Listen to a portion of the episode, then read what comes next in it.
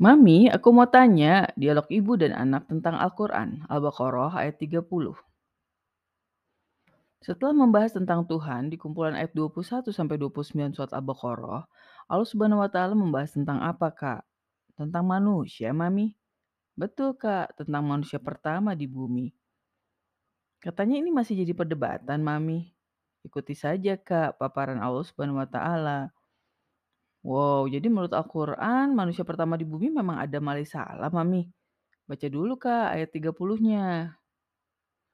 Wa idh qala rabbuka lil malaikati inni ja'ilun fil ardi khalifah. Qalu ataj'alu fiha man yufsidu fiha wa yasfiku dima'a wa nahnu nusabbihu bihamdika wa nuqaddisu laka. Qala inni a'lamu ma. Ketika Tuhan mau berkata pada para malaikat, "Aku hendak menjadikan khalifah di bumi." Mereka berkata, "Apakah engkau hendak menjadikan yang merusak dan menumpahkan darah di sana, sedangkan kami bertasbih memujimu dan menyucikan namamu?" Dia berkata, "Sungguhnya aku mengetahui apa yang tidak kamu ketahui." Apa yang bisa dipahami dari ayat ini, Kak? Khalifah itu apa, Mami? Pengganti. Jadi manusia itu pengganti Tuhan di bumi. Wajar dong kalau Tuhan tidak eksis di bumi. Ya memang Tuhan dari awal tidak berencana memunculkan diri di bumi. Ketidakmunculan Tuhan ini berkaitan dengan tujuan penciptaan manusia itu sendiri dong, Mami. Betul, Kak. Hanya manusia yang tidak memahami tujuan penciptaan yang selalu ingin bukti kehadiran Tuhan di dunia. Mengapa malaikat bisa tahu kalau manusia akan saling menumpahkan darah dan berbuat kerusakan di bumi, Mami? Para ulama menyatakan hal ini karena malaikat memiliki sedikit ilmu soal karakter dasar manusia. Memang faktanya manusia suka menumpahkan darah dan berbuat kerusakan di bumi kan, Mami? Iya, Kak. Karakter orang fasik seperti itu yang sudah dibahas di ayat 27 surat Al-Baqarah. Jadi pada dasarnya manusia memang bawaannya memiliki karakter fasik ya? Betul, Kak.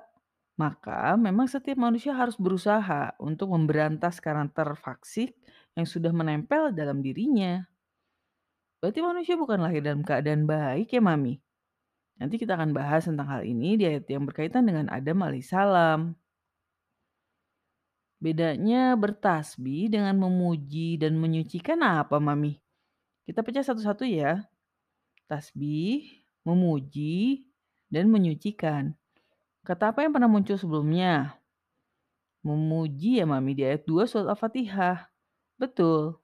Jadi bertasbih dan menyucikan belum pernah muncul sebelumnya.